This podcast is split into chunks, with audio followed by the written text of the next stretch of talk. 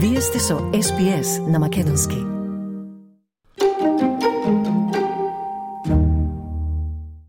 Чудотворни приказни продолжуваат да се појавуваат од тагата повеќе од една недела по смртоносните земјотреси што ги опустошија Турција и Сирија.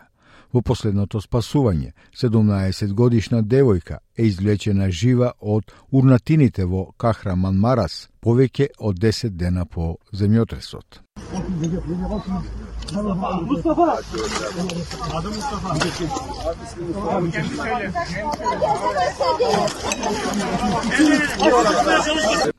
Новие приказни стануваат редкост. За многумина, нивните роднини се уште се водат за исчезнати, или се меѓу сега повеќе од 42.000 луѓе за кои се знае дека починале.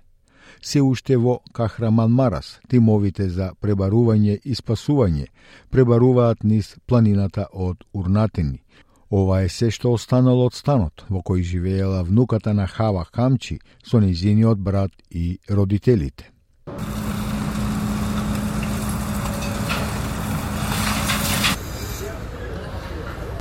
Само братот е пронајден жив, а сега е безбеден кај тетка му и вујко му. За внуката, Хидајет Ела Гоксу, се уште останува непознато. Çok tatlıydı kendisi. Çok şekerdi böyle 11 yaşlarında. She was a very sweet girl at the age of 11. She used to say, Grandma, we are all together. She was very smart and incredibly bright. She was very beautiful and had dimples on her cheek.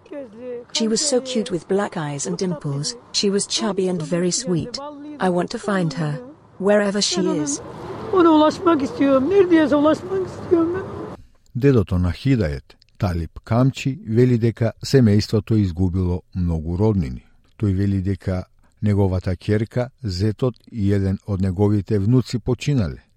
Неговата сестра и девер исто така починале во друга зграда и вели дека се наоѓаат во тешка психолошка состојба. Yani şu anda At the moment, my daughter, son in law, and one of my grandchildren have passed away. My sister and brother in law passed away in another building. Our psychological condition is inexplicable at the moment. We are in a very difficult situation. çok bir zor durum ya. Голем број луѓе остануваат без покрив над главата и имаат потреба од шатори за привремено засолниште по земјотресот. Новосирискиот град Алтлул во близина на турската граница, нивните неволи се надополнија со поплави. Локалните жители велат дека откриле пукнатини во мала брана во близина по земјотросот и се обиделе да ја зајакнат со вреки со песок. Жената Мајада вели дека обилните дождови го зголемиле нивото на реката и го поплавило она малку што останало од зградите во градот, покривајќи ги полињата и домовите со матна кафеана вода. After the quake, then with the floods, no one managed to sleep, not even for 10 minutes. No one got any rest. We stayed on the streets with our children, my mother, my father, my brother, my sisters and my neighbors, all under the rain and cold. Во северниот сирийски град Джиндерис грабежот стана проблем. Жителите како Махмуд Сабри велат дека кражбите се случуваат уште од првите спасувачки операции во градот. Тој вели дека се кради се, апарати за домакинството, како фрижидери, машини за перење, пари, злато и се што можат да најдат. Тие земаат се, вели тој, а ние не знаеме од каде доаѓаат. They are stealing appliances like fridges, washing machines, money, gold and whatever they find. They take whatever they find, and we do not know where they are coming from.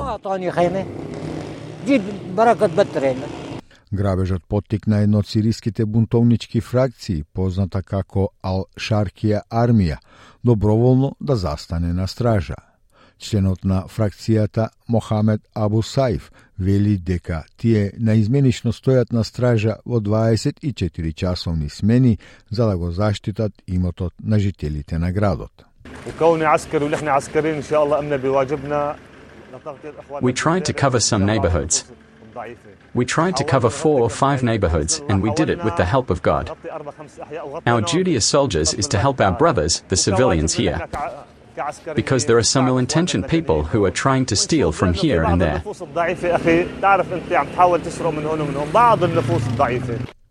Но меѓу овие приказни за алчност има повеќе приказни и за великодушноста. Турскиот генерален конзул во Ерусалим Ахмет Риза Демирер отиде во фабрика за текстил во Хеброн за да прими пратка вреки за спиење донирани во име на палестинскиот народ за жртвите од земјотресот. At the beginning, on, on the earthquake area, we needed lots of, I mean, materials, starting from food to clothes. But now, the urgent needs are blankets, are sleeping bags, are tents, are heaters. Менеджер за производство во фамилијарната фабрика Ал Сафин е Рајет Ал Сафин. Тој вели дека работниците во фабриката ја зголемиле својата продуктивност за напорите за помош. In general, we make 1,000 sleeping bags a day. We do not forget the feelings of the workers in the factory for the victims. So they work hard and for long hours. Because they are all convinced that every extra minute they work can help a woman, a child, or an old man there, and because of this they now produce 2,000 sleeping bags a day. И додека итната помош продолжува да доаѓа, сирискиот председател Башир Ал-Асад имаше телевизиско обраќање, велејќи дека ресурсите што моментално ги имаат се помали од обемот на економските, социјалните и услужните предизвици што предстојат. Обединетите нации се согласуваат и упатија апел до меѓународната заедница да придонесе со помош по повеќе од 1 милиарда долари за помош во Турција и Сирија во текот на следните месеци. Меѓународниот Црвен крст вели дека една од наитните од тие потреби се однесува на здравјето.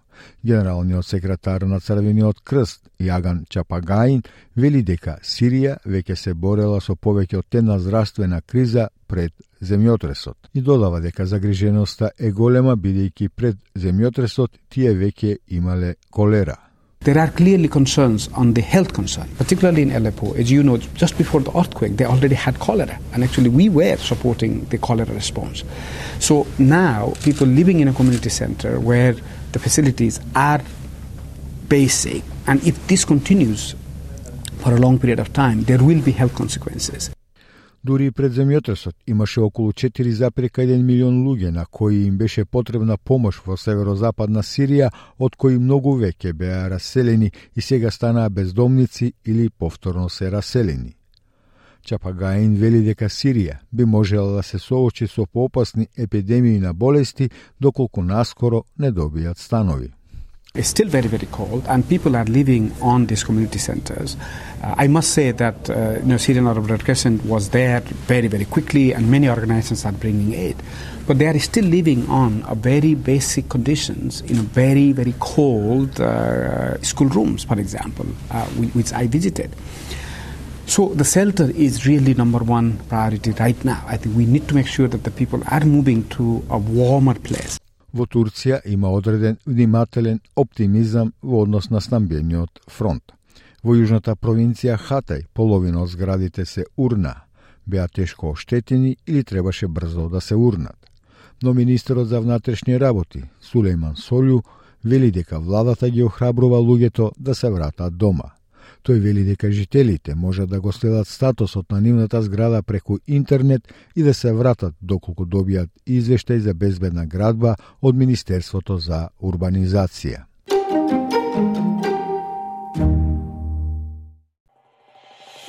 Сакате ли да чуете повеќе прилози како овој? Слушате подкаст преку Apple Podcasts, Google Podcasts, Spotify или од каде и да ги добивате вашите подкасти.